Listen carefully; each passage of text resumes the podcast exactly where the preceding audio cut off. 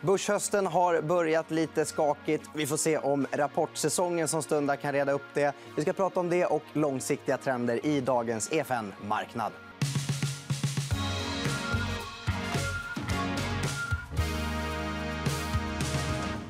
Och det gör jag tillsammans med Anna Strömberg och Kristoffer Arnemark. Välkomna. Tack. Tack så mycket. Eh, det har ju börjat hösten här. Lite skakigt, lite oroligt på sina håll. Eh, är det på en nivå att det inte är stressat och övertidstimmar än? Eller hur, hur känns det? Jag tror känslan är att det har gått ner mer än det egentligen har gjort. faktiskt. Men det har varit ganska stora skillnader. Vissa, vissa bolag har ju fallit ganska mycket från sina tidigare toppar. Eh, och annat har ju gått otroligt bra under den här tiden när marknaden kommit ner totalt sett. Så det har varit en oro för inflation och det har gynnat vissa bolag och missgynnat andra. Mm. Mm. Hur känner du, Kristoffer? absolut. Det har ju varit stökigt där. och På indexnivå kanske inte riktigt dramatiken fångas i alla bolag som vi tittar på. Framförallt i mindre bolag, i kanske traditionella pandemivinnare. De har ju tappat ganska mycket, inte minst dataspelsbolagen. Så jag tycker att det ser eh, ja, ganska mycket svaghet. Vi, vi förväntade oss en svag höst här på, på Rigo men eh, det gick lite fortare än vad vi hade förväntat oss eh, som sagt, i, i september. Eh, rapportsäsongen som stundar här, då, vad, vad kommer ni leta efter eh, i, i rapporterna? Nej, men om, man, om man tänker på förra rapportsäsongen eh, så var ju det en, ett enormt återhämtningskvartal. Eh, och sen dess så har vi fått en hel del annat att oroa oss för. Det fick vi även lite tecken på under förra rapportsäsongen. Så jag tror att en, en viktig fokuspunkt är ju att se att efterfrågan håller i sig. Och det ser orderböckerna kommer att bli en viktig datapunkt att titta på. Det är det alltid, men det kommer att vara viktigt här. Eh, kanske viktigare än liksom, annat just nu eftersom vi kanske är lite mer förlåtande mot bolag som som har det lite tufft beroende på flaskhalsar och andra typer av problem. Då kanske man kan förlåta så länge efterfrågan eh, är stark. Blir det tuffare jämförelsesiffror nu, Kristoffer? Ja, det blir ju...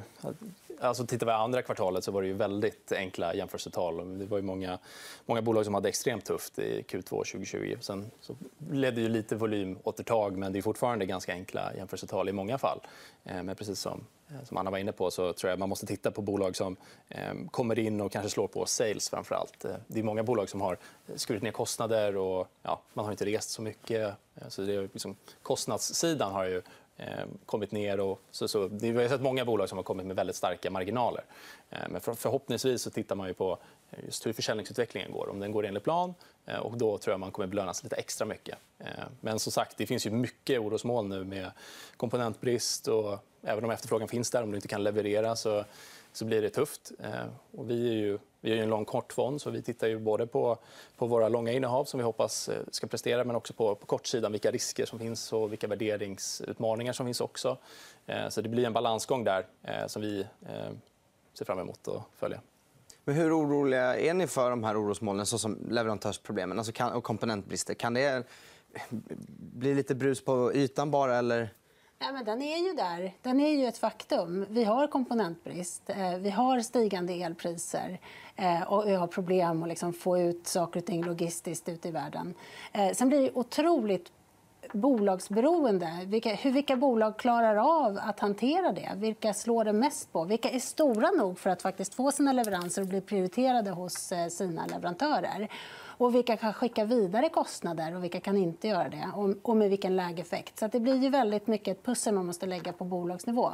Absolut. Mm. Men de, de, mindre kan ha, löpa större risk att hamna längst ner i kön? Då, eller? Ja, men det tror jag. Och den, det tror jag kommer bli tydligare i det här kvartalet också. Att eh, lite större, viktigare kunder de har större förutsättningar eh, att få leveranser. Eh, mindre prioriterade kunder de kommer att ha det tufft. Mm.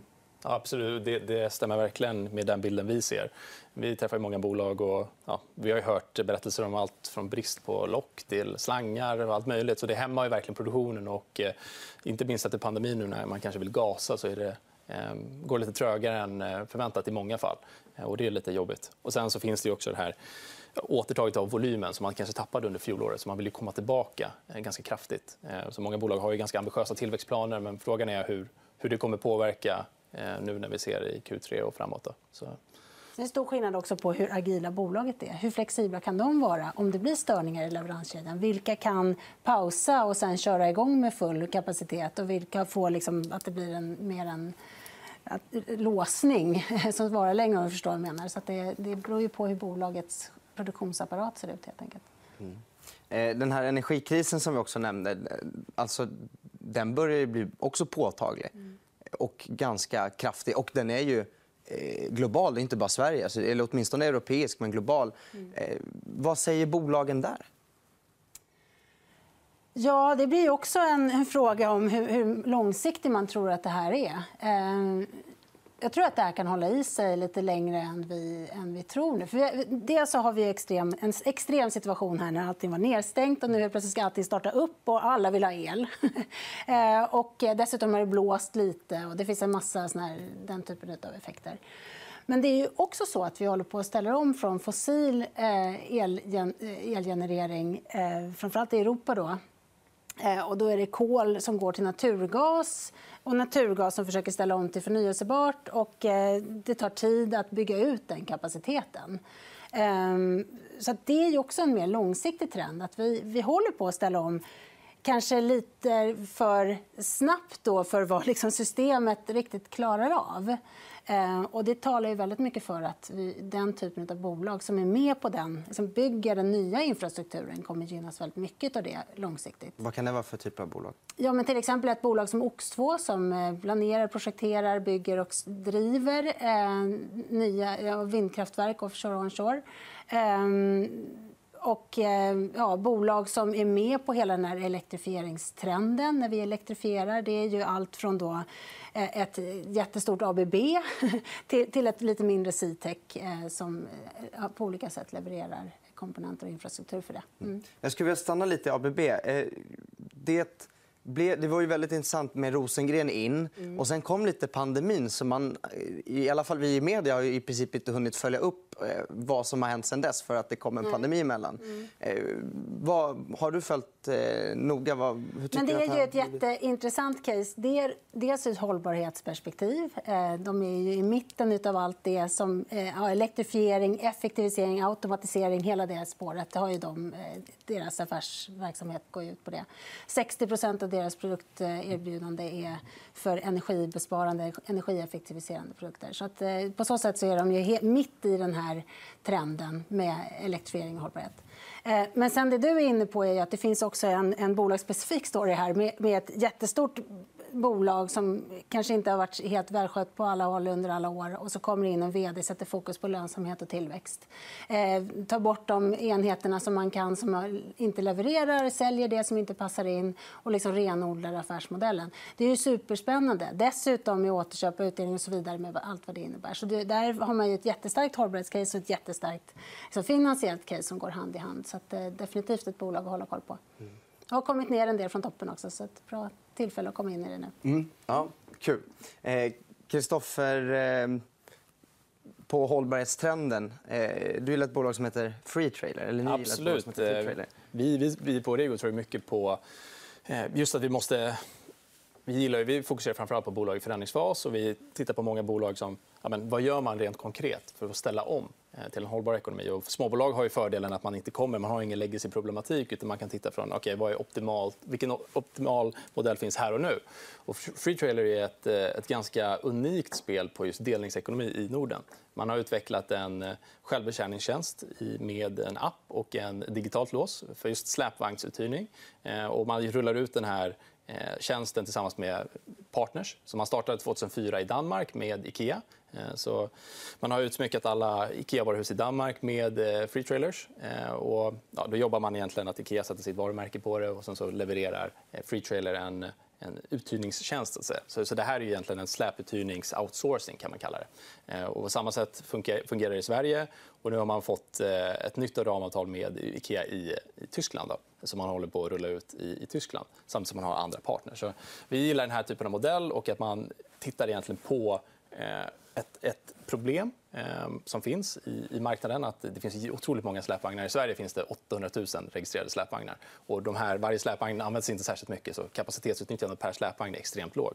Ehm, så genom delningsekonomi så kan man använda en ja, digital, alltså digitalisering och få ett mycket bättre resursutnyttjande på släpvagnsflottan. Ehm, så, så det vi tycker att man bygger en väldigt intressant affär. Man har stabila återkommande intäkter från de här partnersna samtidigt som man har eh, rörliga intäkter i takt med att uthyrningarna ökar och försäkringsben och allting som man bygger på.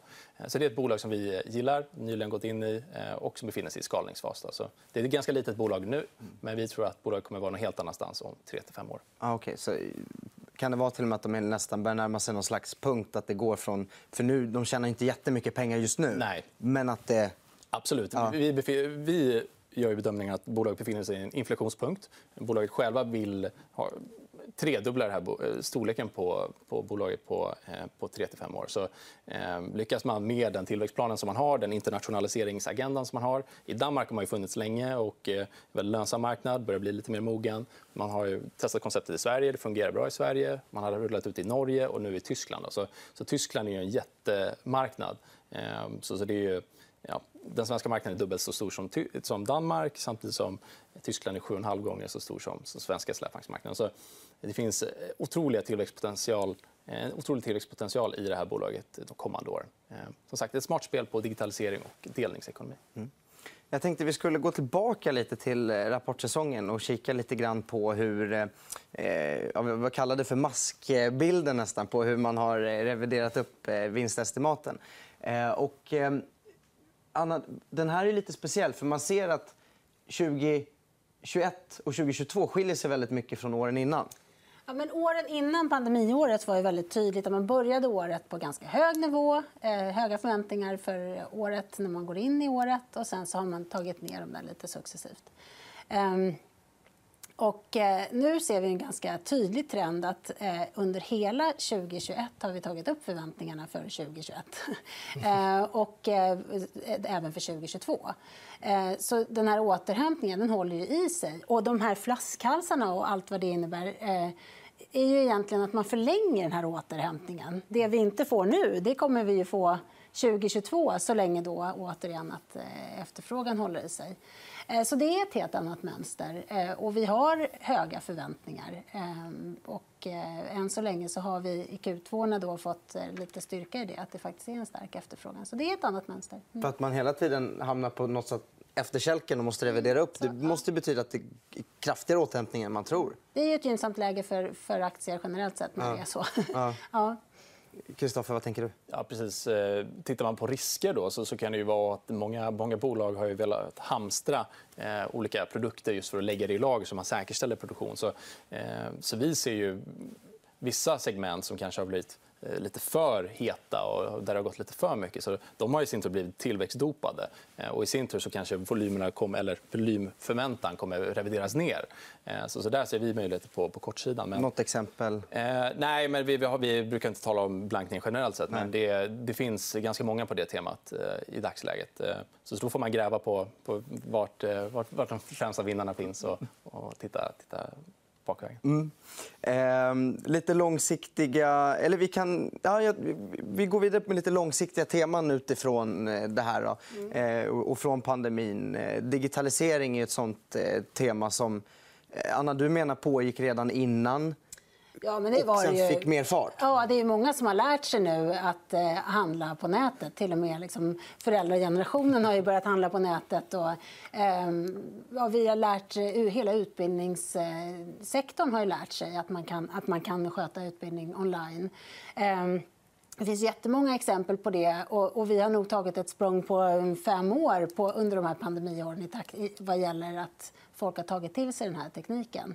Så att, eh, absolut. Och, eh, vad gäller det här energitemat som vi var inne på, det var också någonting som hade påbörjats redan innan. Eh, och nu så blir det ju extra tydligt då när, vi får, när alla ska öppna upp samtidigt att den här, eh, vi har inte riktigt eh, tillräckligt med förnyelsebar energi för vad vi, eh, vad vi eh, hade hoppats då, eller vad vi behöver i dagsläget. Och när det blåser lite och så, där, så får vi problem med det.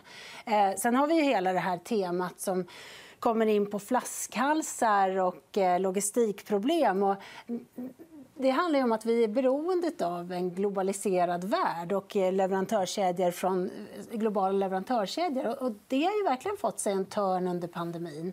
Ehm, för det såg vi ju att vi stängde gränser och vi levererade inte sjukhusmaterial när pandemin började. Nu har vi lite samma situation någonstans med halvledare. Och det är jättemånga initiativ igång för att skapa nya halvledarproduktion lite nära hemmet. USA har en, ett stort paket som ska gynna liksom, investeringar i halvledare för att bygga egen infrastruktur. Europa har också en ambition att komma upp till 20% av global halvledarproduktion. Ehm, till, nu kommer jag inte ihåg årtalet, det är några år fram. Kina lika så, att de eh, liksom, bygger upp en egen infrastruktur. Och det är ju för att säkra kritiska komponenter. Även vaccin är ju också en sån kritisk komponent som, som har varit lite svår att skicka mellan olika eh, länder under, när vi behövde det som mest. Så det har ju verkligen fått sin törn. Men det menar jag också är någonting som hade börjat redan innan vi hade de här spänningarna mellan USA och Kina under Trump-tiden. Och någonstans har ju de eh, fortsatt lite grann även under Biden. Så vi har ju en situation där globaliseringstrenden i varje fall inte kommer växa sig starkare, tror jag. Och vad kan det innebära för börsen? Ja, det innebär ju att vi måste investera i leverantörskedjor närmare hemmet. Och det, det gynnar ju bolag som har, eh, levererar den typen av eh, produkter och tjänster. Eh, och då kan man återigen nämna ABB här då, med automatisering. hela det. Hexagon är en sån som gynnas av det. Ehm, ja, det finns ju flera bolag som, har, som hjälper till att bygga upp leverantörskedjor. Produktionsrelaterade bolag. Mm precis. Om man stannar på just eh, vinnarna eller de trenderna som fanns innan pandemin så kan man ju även lyfta butiksstöd och hur, hur handeln har förändrats. också. Vi, vi gillar ju e-handel och logistik också. så Vi äger ju Catena, fastighetsbolaget. Det har vi gjort länge. Som verkligen rider på den trenden med, med logistik backend. Så att säga. Eh, väl, eh, placerade logistikfastigheter i, runt om i Sverige. Eh, och sen så har vi ju bolag som Dustin som vi, som vi gillar också som kom med en fantastiskt bra rapport här för förra veckan. Eh, det är också ett bolag som eh, i tider när det är liksom kamp om att få produkter så har man lyckats för man är så stor. Man kan sourca, man kan få fram produkter till kund. Eh, och det i sin tur leder till att man vinner marknadsandel, att man blir en eh, preferred supplier framåt. Så, så eh, det här med flaskhalsar det är ju inte bara av ondo. Utan det kan ju faktiskt vara bolag som kan navigera här och ta marknadsandelar och bygga sitt varumärke ännu starkare. Eh, kanske på bekostnad av andra konkurrenter. Men, eh, så vi, vi tror att den trenden kommer förstärkas. Eh, och sen e-handel överlag. Vi har ett bolag som heter Lyko, som ni känner till. hälsa, välmående, frisörsalonger också. Så det, det är också ett väldigt intressant eh, spel på, på hälsa och på välbefinnande. Dels för när vi återöppnar samhällen igen, när vi börjar träffas så här fysiskt så, eh, så, så, vill man kanske piffa upp sig lite. Eh, och, eh, vi tror att det finns eh, volym att hämta där samtidigt som man fortsätter att växa sin e-handelsaffär. Väldigt imponerande. Och en bra logistiklösning i, i, i bakhuvudet. Eller bakhuvudet. Och jag tänkte vi ska återvända sen till ett annat återöppningsbolag du ja. har. Men jag tänkte återvända bara lite snabbt till, till Hexagon. Eh, för Anna, jag vet att du är också väldigt intresserad av hållbarhetstemat. Eh, och jag intervjuade Ola Rolén i, i vintras, vintras, våras här i just det här programmet mm. och pressade honom lite om hållbarhet. Och då lät han väldigt lurig. Ja, men vi har, kan tyvärr inte säga någonting, men vi har väldigt spännande saker på gång. Mm. Vad, vad, tror du om det? Men de hade en kapitalmarknadsdag här nu för eh, ja, någon vecka sen. Eh, och, eh, där lyfter de fram väldigt mycket strategier kring hållbarhet och, och, siffror som jag tycker är intressant att ta till sig. Hur, hur användandet av liksom mer mätteknik och mer liksom precisa produktionsmetoder minskar svinn med 15-20% minskar eh, stopp i produktionen när man ska ställa om olika eh, produktionsapparater med också 15% och så, här. så de hade liksom verkligen siffror på vad det, hur, hur deras eh, mätinstrument, deras liksom, mjukvarulösningar eh, faktiskt minskar på svinn och ökar effektiviteten. Eh, och de, så som de uttrycker sig så är det här det största affärsmöjligheten eh, i vår tid egentligen för dem. Eh, och det håller jag verkligen med om. För om det är någonting vi måste göra mer av är att vi måste minska på svinn och öka effektivitet. Och om vi måste producera saker och ting eh, närmare hemmet där det också kommer att vara dyrare så kommer det bli än viktigare. Mm. Och de höjde ju då sitt tillväxtmål, det var nog ganska väntat. Och sen så pratade de om man då kommer tillbaka till det här att det finns ett hållbarhetsrelaterat tema här, men det finns också ett väldigt starkt bolagsspecifikt tema. De, de ökade eh, utsikterna för försäljningen, det var ganska väntat, men, men också på marginalerna där de säger då över 30% marginaler eh, är vad de sätter som mål. Och, eh, det är ju att de går mer och mer mot mjukvara och det tycker jag är ett superintressant tema för bolag generellt när de blir mer mjukvaruberoende. Mm. Eh, och de har gjort en del förvärv. Kristoffer, du sa att er fond är på att bli en utköpsfond. Det är ganska mycket som, mm. som, som händer på uppköp och utköpsfronten. Jag tror att det är ett tema som kan fortsätta. Att det är Absolut. Jag tror intensivt. det till och med kanske kan accelerera framåt. Eh, det, om man tittar först och främst alla börsnoteringar som vi har haft på börsen. Eh, jag tror att man ska ta med sig också att de här noteringarna de dränerar också marknaden på kapital. Det, det kräver ganska mycket när man kommer in på när det är så många bolag som kommer in på börsen att förvaltare måste sälja av någonting för att köpa det nya. Så det, det är någonting som man ska ha i bakhuvudet. Men just på ma spåret så tycker jag vi ser Ja, det är ju tecken på inom alla segment egentligen, att bolag vill förvärva. Och om den organiska tillväxtprofilen kanske är eh, lite lägre då vill man ju hitta ytterligare tillväxt genom förvärv.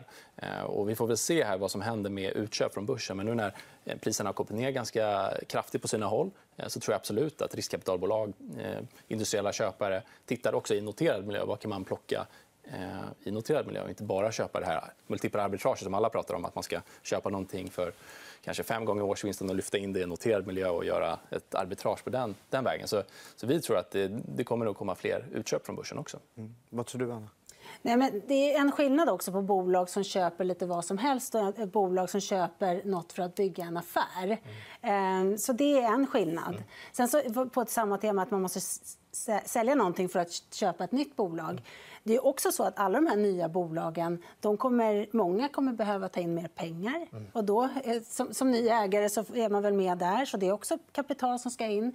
Sen så är det ju en massa gamla ägare som kommer när lockupen går ut som ska sälja sina aktier. Så då är det ännu mer pengar som ska in i de här nya bolagen. Så någonstans är det ju en... Ja, man bygger ju upp också en, någon sorts skuldsituation liksom till, till de här nya bolagen. Eh, så det kommer nog eh, ta lite tid. Då. Och det är ganska stora bolag som kommer till börsen nu. Vi har ju Storskogen, en jättestor, gigantisk IPO. Vi har Autostore i Norge nu också som är en jättestor notering. Eh, så, ja, det har varit väldigt goda tider i väldigt många segment. Så... Volvo. Volvo, exakt. Ja. Så, så vi, vi tror att ja, att det kommer påverka på marginalen också. Riskviljan och annat. Men den bolags, eh, liksom de bolagen som köper och växer eh, och bygger en affär och, och, kan växa dels organiskt och dels växa via mm. förvärv.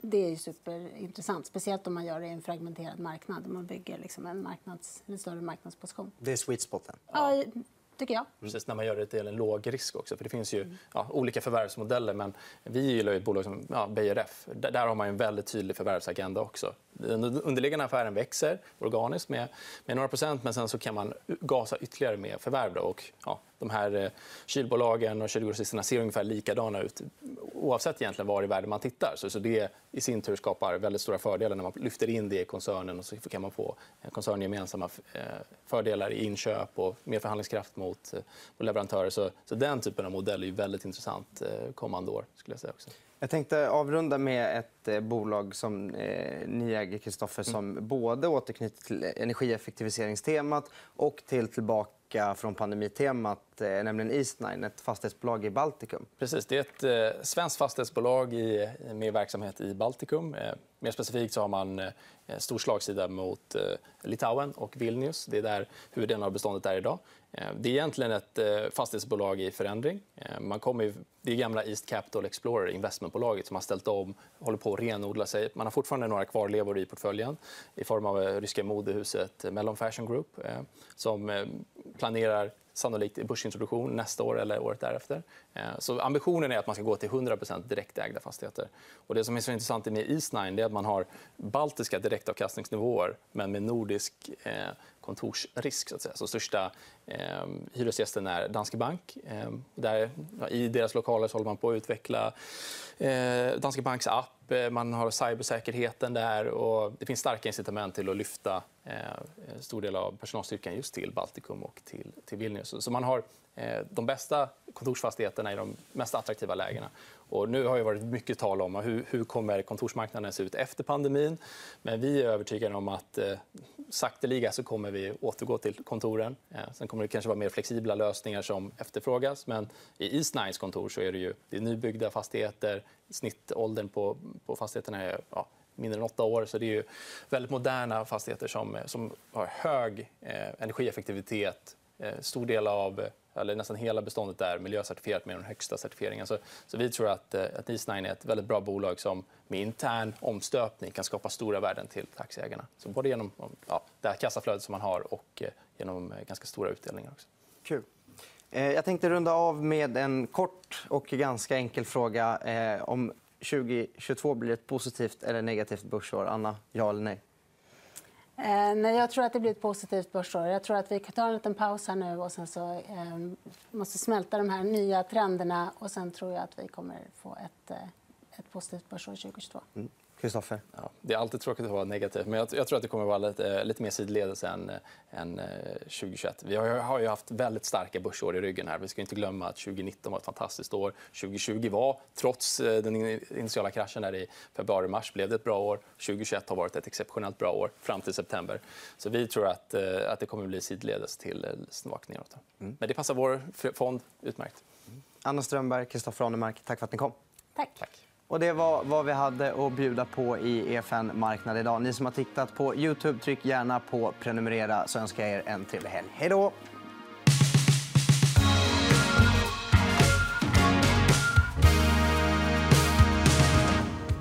EFN Marknad är en podcast från EFN Ekonomikanalen. Ansvarig utgivare är Anna Fagerström. EFN finns även som app. Där hittar du alla våra videoinslag som hjälper dig att göra det bästa av din ekonomi. Du hittar appen i App Store och Google Play.